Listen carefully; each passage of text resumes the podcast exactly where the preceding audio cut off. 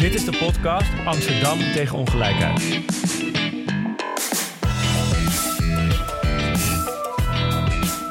Welkom, mijn naam is Teerse de Fokkert en ik ben gemeenteraadslid voor GroenLinks in Amsterdam. Uh, en daar hou ik me onder andere bezig met armoede, schulden en, en met jongeren.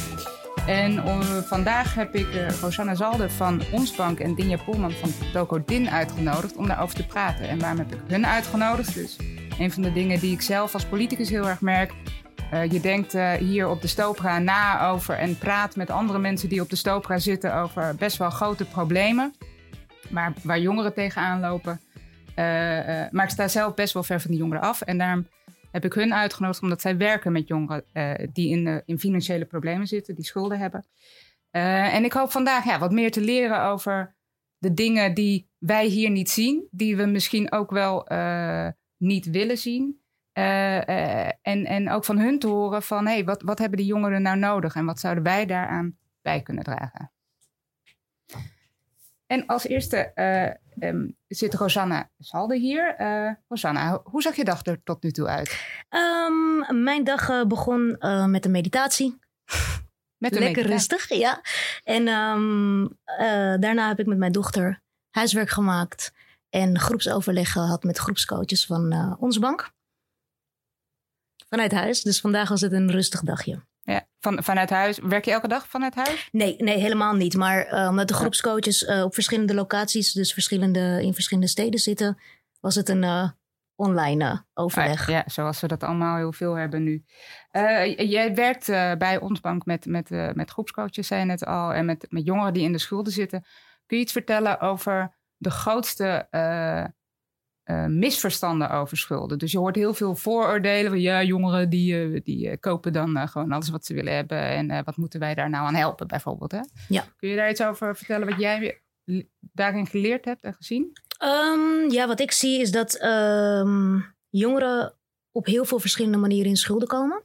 Um, een van de grootste ja, schulden waar ze in terechtkomen heeft te maken met studieschuld. Maar kan ook zorg zijn. Dus zorgverzekering uh, hebben, maar niet verzekerd zijn voor um, onvoorziene medische hulp die je nodig hebt. Um, dus het gaat veel dieper dan slechts jongeren die niet goed zijn in het incalculeren van hun koopkracht. Ja. Dat zie ik. En, en als je zegt, je, je gaf het voorbeeld zorg, um, is dat dan omdat het stelsel zo is dat je denkt, nou ja, ik heb een verzekering, dus ik ben, ben al verzekerd. Maar er blijken eigenlijk nog drie of vier of vijf verschillende andere verzekeringen te zijn die je moet hebben. Uh, ja, en um, ja, ook gewoon de onvoorziene. Als jij niet ervan uitgaat dat jij uh, bepaalde medische uh, klachten gaat krijgen, kan je natuurlijk niet voorspellen. Je hebt geen oog op de toekomst in een jaar, dus je sluit een verzekering af. En jongeren proberen die zo laag mogelijk te houden in kosten. En houden gewoon rekening met de situatie dan. En uh, als je dan onvoorzien in één keer in een ongeluk belandt of uh, andere medische kosten maakt, dan uh, ben je daar niet voor verzekerd. En dan kan je ook niet even switchen. Aangezien het stelsel zo is dat je dan een jaar moet wachten voordat je um, voordat dat je, weer kan ja. aanpassen. En dan heb je die schulden al gemaakt. Kun je ook iets zeggen over als jongeren eenmaal zo'n eerste schuld hebben, um, wat ze, hoe moeilijk het is om er weer uit te komen? Um, ja, zeker. Uh, ik denk dat ten eerste, um, wat is een schuld? Dus uh, het afsluiten van een telefoon is basically al een schuld hebben. Daar uh, staan we niet zo snel bij stil. Dus dat heel veel dingen op afsluiting, op afbetaling worden aangekocht. Um, en daarnaast, um, wat was de vraag ook alweer? Nou ja, als je één keer hebt, om, om nog even bij die zorgverzekering ja. te blijven. Je hebt een basisverzekering, uh, je hebt een ongeluk, uh, je bent al je tanden kwijt. En dan heb je opeens kosten die je niet had voorzien. Ja. Hoe het dan verder gaat met jongeren. Dat het, zeg maar, die schulden zich stapelen. Um, ja, ik denk dat er ten eerste gewoon heel veel schaamte heerst. Dus schaamte, wegduikgedrag. Dus dat houdt werkelijk in het niet openen van je brieven. En daarnaast is het stelsel van schulden zo ingericht dat je gestraft wordt. Dus als jij niet betaalt, dan komen er weer kosten op. En er komen weer kosten op. Dus voordat je het weet, ben je in een rap tempo. Zit je van een initiële schuld. Kan je zo een paar rug verder zijn. En dan is het alleen maar de, de kosten die bij die schuld horen. Het zit Juist. eigenlijk ook al in het woord, hè? Schuld. Schuld is iets ja. uh, uh, waar straf op, op zit. Ja, en zo, iets... Zo werkt Ja. het systeem hier heel erg. Ehm, ja, en, en ons bank dan eh, zet zich juist heel erg in om de straf ervan af te halen. Dus eigenlijk de schuld aan zich is al een straf.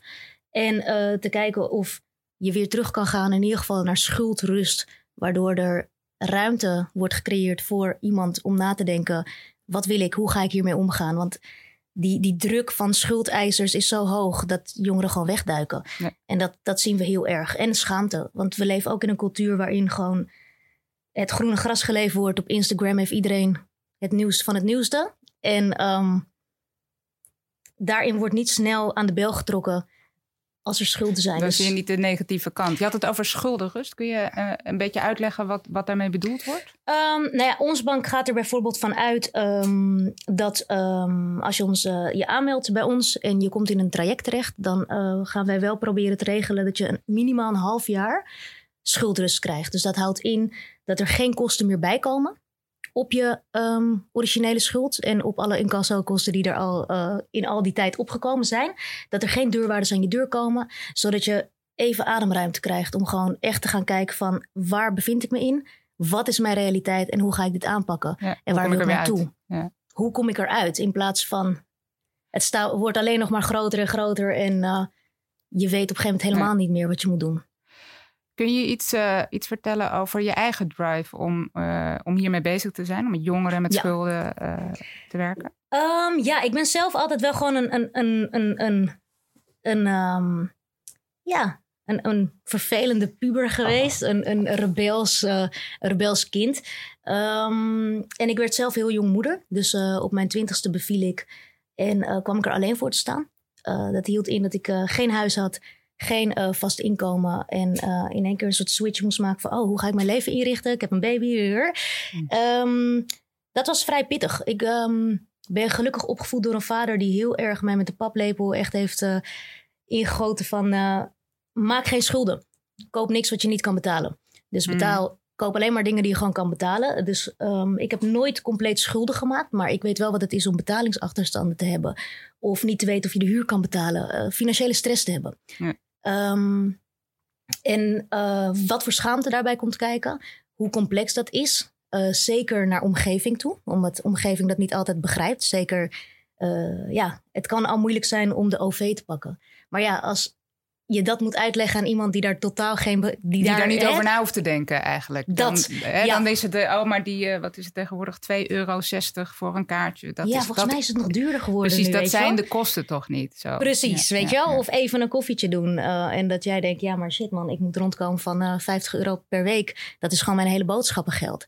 Ehm, dus ik, ik ken de schaamte, ik ken de stress daarvan, wat het met je doet. Ehm, ook hoe instanties daarmee om kunnen gaan. Dus dat er waar hulp geboden wordt niet altijd direct hulp is. Of dat het heel traag kan gaan. Of Kun, kun je daar uitleggen wat je daarmee bedoelt? Zeg maar, heb je een voorbeeld van dat je naar een instantie toe gaat... of dat je dat bij jongeren ziet en eh, zeggen help me en ze worden niet geholpen? Ja, ik, ik denk dat ehm, veel jongeren ehm, komen natuurlijk ook in problemen vanwege. Hè, er zitten bepaalde gedragingen achter. En instanties kijken vaak niet naar het gedrag. En instanties zijn heel snel gewoon van: oké, ik wil dat jij dit gewoon bij mij inlevert. Dat jij je financiën op orde krijgt en je papieren in orde en kom maar terug. Maar daar begint vaak al een probleem. Dat veel jongeren dat nog niet kunnen. Eh, wie helpt ze daarbij? Ja, want Eh. anders waren ze misschien niet in die problemen gekomen. Exact. Ja. Weet je wel? Dus er wordt niet dieper gekeken ehm, naar de onderliggende gedragingen. Die daar natuurlijk ook achter zitten.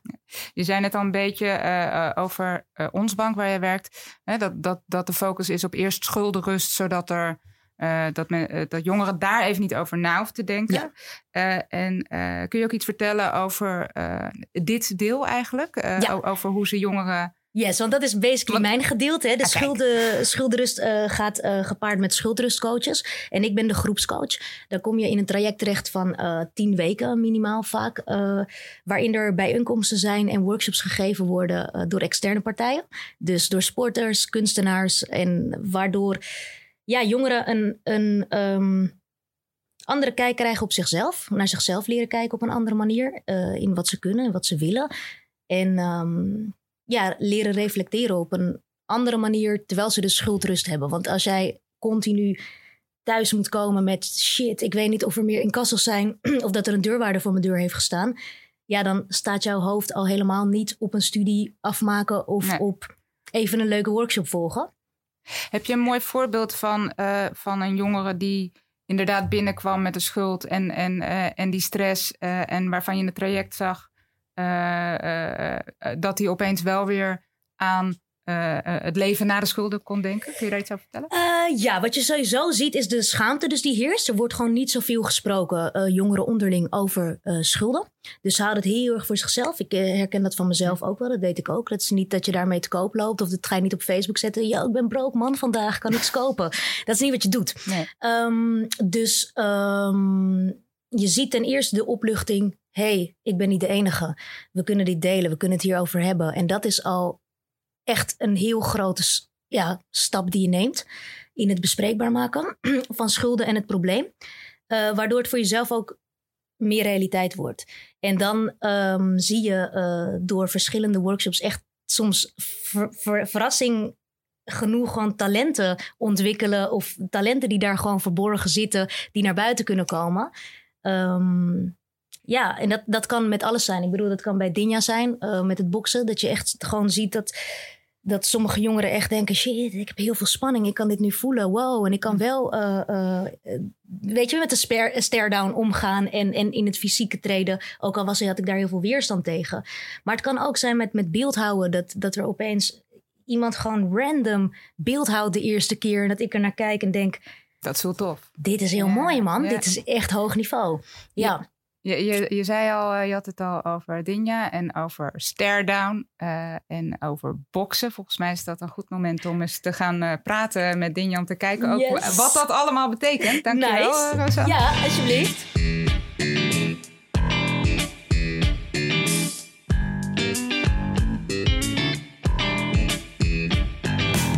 Welkom Dinja Poelman van Toko Din. Hoe zag je dag eruit tot nu toe? Uh, mijn dag begon uh, kwart over zes. En dan sta ik op. Dat is mijn ochtendstart over het algemeen. Ik heb ook een dochtertje. En uh, meestal smeer ik de broodremmetjes en zet ik het, ja, het lunchje klaar, zeg maar. En dan om zeven uur volgt er de eerste ochtendtraining online. Dus dat is echt het begin van mijn dag. En met ochtendtraining, bokstraining? Bokstraining, ja. ja. ja. En online is dat dan, dat is heel raar eigenlijk, denk ik. Hè? Als je niet... Dat is heel raar, inderdaad. Ja. Het is, uh, je wil als coach sowieso iemand fysiek kunnen ondersteunen. En dat is vanaf maart natuurlijk helemaal eruit gecultiveerd. En dus dat is heel maf. Dus je moet het nu verbaal dus over kunnen brengen. En dan ook nog eens met een scherm ertussen. Dus de, de uitdaging was ontzettend groot om mensen überhaupt ja. in beweging te krijgen. Dus uh, maar ik doe het maar een half uurtje uh, in de ochtend. Um, en op die manier hebben ze hebben het opgebouwd, zeg maar. Dus nu doe ik vier half uurtjes elke ochtend. Of nou, elke ochtend vier dagen in de week. Uh, die zien er zo uit. Half uurtje sporten. En door dat dus vaak achter elkaar te doen, vinden mensen de motivatie ook weer. En kan ik lekker oefenen inderdaad om dat ook voor mezelf hoog te houden. En inmiddels heb ik er plezier in. Maar het was even een pittige start ja, dat trainer. Snap ik wel. hey, uh, Rosanne die had net al, uh, al een beetje over jou verteld. Want jij geeft uh, bokslessen aan jongeren die in de schulden zitten. Um, en ze had het over een stare-down. Daar ga ik straks nog wat over vragen. Uh, maar wat heb jij met, met, uh, met schulden en jongeren? Waarom ben je dit gaan doen? Nou, boksen is eigenlijk van origine een sport wat echt eigenlijk ja, uh, ooit op de kaart gezet als, als een, ja, een, iets, een dagbesteding eigenlijk voor, voor moeilijk opvoedbare kids of, of, of mensen die het gewoon wat minder hebben. En die kunnen dan gewoon een walk-in bokschool inkomen en dan ga je gewoon lekker even je frustratie eruit slaan. Dat is een beetje waar, waar een oude bokschool op gebaseerd is. En heel vaak zit daar ook gewoon talent tussen. En gaan, gaan die coaches met die talenten aan de slag. Worden het kampioenen en die kampioenen worden trainers.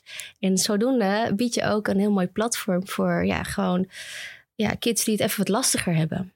Um, en nou goed, daar kom je dus inderdaad ook heel veel kids tegen die dus uh, inderdaad of ouders hebben met schulden zelf in de schulden zitten. Ja, en ik ben vanaf mijn zestiende eigenlijk zelf gaan boksen. Uh, niet omdat ik schulden had, maar wel andere problemen. En, uh, ik wou net zeggen, was jij een van die uh, jongeren die zo'n bokschool inliep om frustratie van zich af te... Nou, dat wist ik op dat moment nog niet. Maar dat nee. heeft het absoluut wel losgebracht bij mij. Want ik was eigenlijk een heel nederig Indisch kindje die eigenlijk, ja, namen, had het heel moeilijk op school. Ik zat op een speciaal onderwijsschool. Kon slecht leren. Um, en vroeger ehm, was er nog niet heel veel plek voor op school als je bijvoorbeeld niet kon rekenen. En dan werd je naar een speciaal onderwijsschool gestuurd. En dan kwam je toch vaak met kinderen met, met wat grotere uh, problematiek. Uh, van autisme tot uh, gedragsproblemen tot aan ook oh, kindjes zoals ik. Um, maar eigenlijk zijn we allemaal hetzelfde. Alleen er zijn wel grenzen in hoe je met, met, met een kind omgaat. Hm. En voor mij was dat best wel een behoorlijke klap. En, uh, je bent dat je op zo'n school terechtkwam. Op zo'n school ja, terechtkomen ja. en je bent speciaal, bijzonder. Uh, ga daar maar mee dealen als kind. Ja. En, uh, en je wordt dan ook speciaal en bijzonder aangesproken. En toen dacht ik, oké, okay, wat is er nou zo raar aan mij? En ik heb daar wel behoorlijk wat frustratie ook opgebouwd. Aan de andere kant is het heel goed. Juist, daarom ben ik terechtgekomen waar ik ben terechtgekomen. Om, um, ja, ik moest gaan overleven. Ja. Dus dat hele lieve meisje, dat bleef nog steeds wel het lieve meisje, maar ik moest wel een harnasje aantrekken. En zodoende ben ik, heb ik sport gevonden als kind, als iets waar ik dus blijkbaar uh, talent voor had. En het was echt, maakte mij niet uit wat voor sport het was. Ik wilde net als de jongens dat ook kunnen. Want de meisjes werden nogal gescheiden, jaren negentig. Ik weet niet wat dat was, maar dat was ja. nog wel heel erg jongens meisje. En ik wilde ook gewoon als, als meisje voetballen. Maar ja, ik moest naar de poppenhoek, had ik helemaal geen zin in. Dus ik heb me naar de poppenhoek. Dat is oh. echt geen grap. Er was een poppenhoek, jongens. Die is er geweest. Ook nog. Ja, ja, ja. Ik, in, uh, ja, ik denk dat iedereen hier misschien dit, dit ook herkent. ja. Het is ongelooflijk. En, en dat soort dingen heb ik ook echt gehoord. En ook ben je een beetje dom van een volwassen juffrouw. Dus me ook altijd bijgebleven. Omdat ik niet met de sommetjes mee kon. Ja. Dus op die manier uh, denk ik dat ik ook stiekem een beetje terug heb gevochten. Om, om mezelf ja, goed, ergens ja, goed in te zijn. En toen bleek jij dat fijn. talentje wat de, de, kampioen werd en trainer. En, dat, dat is precies misschien... hoe het bij mij is geworden. Ja, en, en, en dan is de volgende stap. Waarom, waarom ben je dan nu weer... Want je geeft ook... je geeft aan heel veel mensen bokslessen. Mm -hmm. waarom Waarom ben je ook heel bewust met jongeren die uh, in de schulden zitten of die financiële problemen hebben, misschien ook wel andere problemen? Waarom ben je met hen gaan werken? Ik denk dat dat gewoon een, een van de belangrijkere doelgroepen is die heel vaak wordt overgeslagen. Ik bedoel, er, er, wordt heel veel toegereikt in boksen nu en boksen is heel hip en hot. Maar die doelgroep uh, krijgt niet heel vaak de kans om eigenlijk echt met deze sport meer in aanraking te komen. Bijna alles is hartstikke duur geworden. En eigenlijk ja. als je van origine kijkt wat een bokschool kan betekenen voor, voor, voor ja, zo'n doelgroep. Ja, dat is, is veel meer. Ja. En um, ja. Als je, want uh, wij, kennen elkaar omdat jij mij boekles hebt gegeven. Uh, um, en ik vroeg me af, uh, um, hoe verschilt het, het, het, lesgeven aan, aan mij bijvoorbeeld met deze jongeren? Nou, eigenlijk niet eens zoveel, moet ik heel eerlijk zeggen. Um, ik ben bij bokstherapie gestart bij Marcel. En die heeft mij de kneepjes van het vak geleerd. En daardoor ben ik mental coach geworden. En in principe is iedereen heeft wel iets in zich um, wat, wat, wat, vastzit en wat los zou kunnen komen. En beweging kan daar ontzettend bij dienen. Um, maar waarom ik deze doelgroep specifiek interessant vind, is omdat ja, één, het wordt, wordt ze niet heel makkelijk gemaakt en niet aangereikt. En twee, je, doet, je, kan iets betekenen voor um, ja, uh, deze kids. En die hebben nog, nog best wel wat groei wat ze nog door kunnen maken. En, en het verschil is met volwassenen die het wat, goed, wat beter hebben, misschien geen schulden kennen. Um, uh, ja, ik weet even niet meer waar ik heen wil. Misschien is dat ook goed, maar eh, die geen schulden kennen, uh, die hebben misschien ook minder de. Uh, nou, als ik dan maar even mij, mij als voorbeeld moest mm -hmm. hebben. Mijn grootste probleem is dat ik, dat ik heel onzeker was over sporten. Ja. Maar dat is een ander soort probleem dan, dan als je eigenlijk. Um, nou ja, best wel een klap hebt gekregen omdat je financieel niet mee kan komen en het wel van je verwacht wordt. Dat je ja, dat precies. Is, dat, is, dat is natuurlijk anders. kun je een beetje beschrijven hoe zo'n boxles eruit ziet? En dan specifiek uh, op, op coaching en schulden. Oh ja. Ja, precies. nou, we hebben net al die stare-down uh, benoemd. Ja, wat is die stare-down? Stare-down is iets wat um, eigenlijk voor, normaal gesproken voor een wedstrijd plaatsvindt. En dat is een moment dat de pers bij elkaar komt. En dan worden de twee boxers of vechters uh, gefotografeerd. En het duurt een minuutje ongeveer, zo'n stare-down. En uh, ja, er wordt, je, wordt ook, je daagt elkaar uit op dat moment. De ene is, gaat er rustig mee om, de andere heel uh, als een komiek. En uh, je ziet ook wel mensen inderdaad falen bij een stare-down. Hoe, um, hoe faal je bij een stare-down? Nou ja, het, dat is, daar zijn de meningen heel erg over verdeeld. Um, maar het is een hele interessante, want er gebeurt op zo'n moment iets, iets, iets in het lichaam. En dan ga jij maar inderdaad tegenover iemand staan en iemand één minuut gewoon recht in de ogen kijken In de dierenwereld zal je aangevallen worden. Dat is heel bedreigend eigenlijk. Mhm. En uh, het contact is nu, zeker met corona, ook al veel minder geworden. Dus het echt het aankijken is, uh, is sowieso een uitdaging. Of het nou voor deze doelgroep is, of inderdaad een wat, wat oudere of, of, of wat hoogopgeleide. Iedereen maakt daar bijna dezelfde uh, momenten in mee. Ja. En, dus, en je begint je les met zo'n stare-down? Meestal met een stare-down. Het moment ja. gaan we voelen. Ja, want er gebeurt gewoon iets lijfelijks. Heel vaak gaat de hartslag omhoog of gaan de handjes zweten. Mensen gaan lachen uh, en, en nogmaals, uh, of praten of heel, heel erg uh, zich groot voordoen. Of zich juist heel erg klein maken en zichzelf bijna vastpakken en knuffelen. Ja, en die momenten, die bespreken we daarna. En dan zie je dan ook loskomen. En dan is er een moment van, wow, voel je dit ook zo? En dan is er een gesprek en dan heb je iets doorbroken al in de ruimte. En is het gewoon veel makkelijker om vanuit het moeilijkste moment verder te gaan met zo'n les. Eigenlijk is het begin, zet je ze voor uh, de grootste uitdaging. Eigenlijk de grootste ja, uitdaging. Daarna kan het alleen maar meevallen. Dan heb je al gewonnen. Alleen al door dat te doen. Ja. En, en, en, mijn doel is wel dat om in stilte te doen. Dat lukt nooit de eerste keer. De tweede keer is ook moeilijk, maar de derde keer gaan ze ook echt daar staan en hun best doen. En dan gaan we ook kijken hoe is je balans, hoe is je ademhaling. Probeer daar eens naartoe te gaan. Gewoon kennismaking met je eigen lichaam is het eigenlijk. Um, voelen.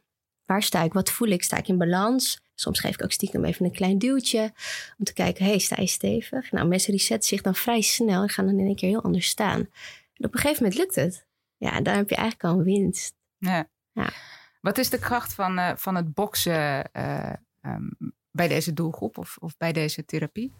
Ja, ook, ook gewoon echt weer het stukje beweging waar, um, waar wat gewoon niet iedereen toegediend krijgt. Dus, ja, maar dat heb je ook bij yoga, zeg maar. Precies. Maar bij boksen is het, bij één klap maak je eigenlijk al allemaal stofjes aan in je hersenen. Even een stom, heel wetenschappelijk dingetje. Dopamine, endorfine, adrenaline.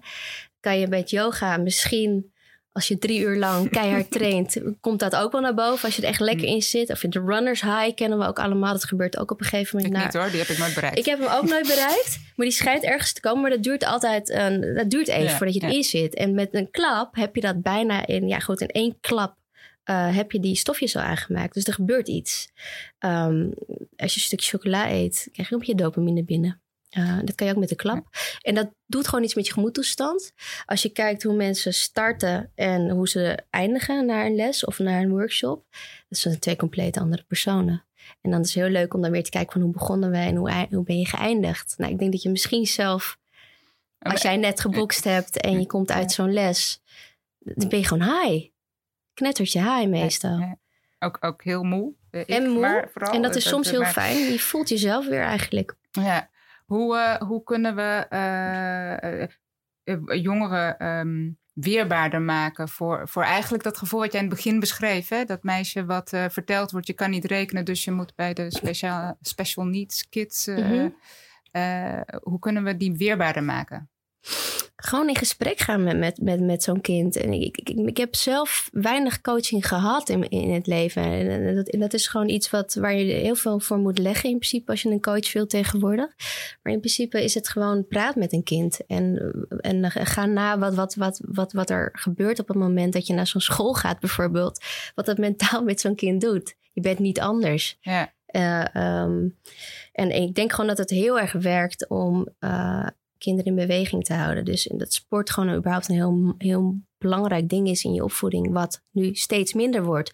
Op scholen wordt er minder sportles gegeven, alle CKV verdwijnt. Dat zijn echt twee hele belangrijke ja. dingen die ons kennis laten maken met, met, met iets anders. En het perspectief uh, ja, gewoon uh, veranderen. Ja. Dankjewel. Um, we gaan uh, nu weer kijken hoe we dat uh, bij, bij jongeren met schulden, uh, hoe we daar het beste eigenlijk hun kunnen helpen. En dan ga ik weer even praten met Rosanne. Dankjewel, Dien.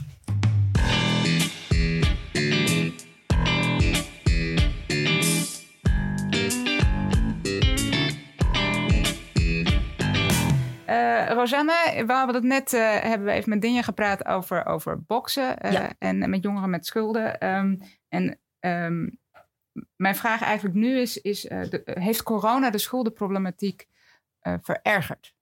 Ja, het is, het is een, een, een goede vraag. Um, ik zou hem ook aan jou willen stellen.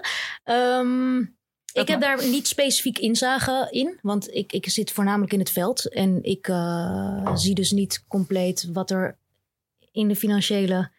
Nee. business gebeurt daarmee, zeg maar. Ehm, ik kan me wel voorstellen, uh, er was gewoon al een probleem. Jongeren met schulden was al een probleem voor corona. En ik kan me wel voorstellen dat het probleem verslechterd is of verergerd is. Maar meer dan dat weet ik er ook niet ja, je van. Zei, je kan hem aan mij stellen. Dat, ja. wat, wat wij ook zien is dat mensen die op de wip zaten... Um, er nu zeg maar eraf vallen. Uh, uh, in, in, in grotere, zeg maar in de, in de hele maatschappij zie je dat er een hele grote groep die nooit eer, zeg maar, die, die voor het eerst schuldenproblematiek krijgt, die zie je nu. Dat, en dat is een andere groep dan hè, die al langer met problematische schulden zit. En wat je specifiek volgens mij, wat wij voor berichten in, in de raad binnenkrijgen over jongeren, is dat. Um, uh, flexcontracten een heel groot probleem zijn. Ja, waardoor ze dus niet uh, hun schulden kunnen afbetalen of niet aan afbetalingen kunnen beginnen. Ja. Is, is, is, dat iets wat jullie ook zien? Dat ze, eh, een van de dingen die ik bijvoorbeeld gehoord heb van, van een andere schuldhulpverlener, is dat jongeren eigenlijk helemaal niet dan, dan uh, brengen ze eten rond, maar ze weten eigenlijk niet dat ze een ZZP'er zijn. En dat ze eerst die investering hebben moeten doen om een fiets te kopen. Uh, maar ze dachten eigenlijk, daar hebben ze nooit bij stilgestaan. Is dat iets wat je herkent? Jawel, maar niet iets wat ik uh, nu meer herken door corona. zeg maar. Ah, dus dat was iets wat natuurlijk ook al langer speelde, ja. Ja, nu is de groep, groep groter geworden. Ja. Um, wat, wat zouden wij eigenlijk met z'n allen kunnen doen om, om schulden te voorkomen? En als ik bedoel wij, dan, dan uh, doe ik niet voor ons persoonlijk, eh, maar als maatschappij. Als maatschappij. Um, ja, dit is natuurlijk wel iets wat echt met het systeem te maken heeft. Het kapitalisme waar we in uh, fungeren met z'n allen als burgers. Maar um, ik denk dat we milder kunnen zijn. Dus die, de, de straf, de incasso's zijn een business. Ja. Dat is gewoon echt uit handen gegeven. Um, het is niet eens in handen van de overheid meer. Dit is gewoon een, het is gewoon een business. Iedereen kan nu een incassobureau openen.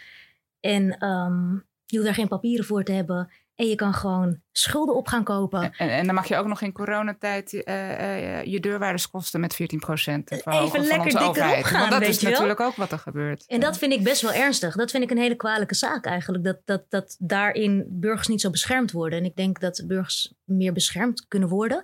En um, meer educatie met betrekking tot schulden. Dus waar begint het als we het hebben over jongeren? Op school krijg je niks over schulden je, of over schulden of over financiën, zeg maar. Je krijgt ja, precies, want het begint bij, bij geld. 18, Hoe ga je om met toeslagen. Geld? Wat is een toeslag? Is dat, is dat eigenlijk een soort van... Het is een, een soort vorm van lening. Heel veel jongeren die, die nemen de toeslagen volledig aan. En het kan zijn dat na een jaar je toeslagen moet terugbetalen... of je hebt te veel ontvangen. En dan ontstaat er al een probleem. hebben we, want je had het over het systeem. Iets waar ik uh, als raadslid heel erg mee bezig ben... Uh, in al mijn portefeuilles is... is um, eigenlijk dat, dat we de maatschappij te moeilijk hebben gemaakt. Dus dat je uh, bepaalde kennis, of dat nou taal, kennis van taal, kennis van rekenen, van geld moet hebben om überhaupt mee te kunnen doen. Ja. Uh, uh, en, en dat we veel eigenlijk misschien wel meer bezig zouden moeten zijn om de, de, de maatschappij makkelijker te maken dan al die mensen aan te leren hoe ze in die ma moeilijke maatschappij kunnen leren. Ja, ik bedoel, dat is een heel idealistisch streven. Alleen we zitten al in een moeilijke maatschappij, dus hoe gaan we dat aanpakken? En um, daarin denk ik dat het um, ja, belangrijk is dat we de taal aanleren. We, leven in een monetair systeem en je krijgt zo weinig van dat systeem mee eigenlijk. Tenzij je, een, een geldsysteem. Ja, het, het geldsysteem inderdaad. En het, eh, tenzij je dus um, uh, scholing daarin krijgt. Er wordt geen, totaal geen scholing uh, in gegeven, tenzij die, die, die richtingen opkiest om te studeren. En zelfs daarin, wij geven op, ook op ROC Top uh, workshops, ROC Top Business. ROC Top, dat is eigenlijk de, de, de ROC die dat is los staat ergens. Ja, uh, het, het, is ROC voor, voor jongeren die wat minder kansen hebben gehad. En die eigenlijk uh, uh, wat extra begeleiding krijgen op de ROC. Dus daarin is het anders dan andere ROC's. Ja, ja. en um, ja, daarin zien we ook gewoon dat, dat het hele, de hele schuldenbusiness, hoe dat werkt. De incassosysteem, deurwaarders, dat, daar, weet, daar weten weinig mensen van eigenlijk. Het is ja. meer inlichting dit, educatie. En, en we houden heel veel burgers gewoon weg van ja. de kennis. En dat vind ik zonde, want het is geen rocket science. Het is niet. Uh...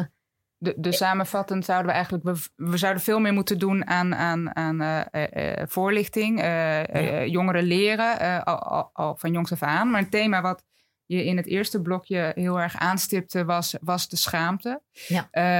En, en nu zit ik hier op, in, in de, de gemeenteraad en jullie werken met de jongeren op straat. Um, en ik kan me voorstellen dat daar ook een grote kloof gevoeld wordt. Ja. En dan moet ik even denken aan, de, er was in het Parool een interview met de wethouder. Die vertelde over, de wethouder Marjolein Moorman, die vertelde over haar eigen schulden en haar eigen ervaringen. Um, hoe makkelijk je daar eigenlijk in kan komen, hoe moeilijk je eruit ja. um, komt. En ik denk ook dat het zou helpen als, als we dat ook vaker doen. Hè? Dus dat als wij mensen die het voor de buitenwereld gemaakt hebben. Uh, het menselijke. Het menselijke. Ja. Ja. En dus die schaamte er, eraf waardoor die, ja, Waardoor die drempels wat lager liggen. En, en de inclusiviteit. Ik merk ook wel heel erg dat um, veel jongeren voelen zich niet, ook al zijn het school, schoolgangers, studeren ze, voelen zich niet deel, onderdeel van de maatschappij. Ja. Ze moeten meer ruimte voor elkaar maken. Ja.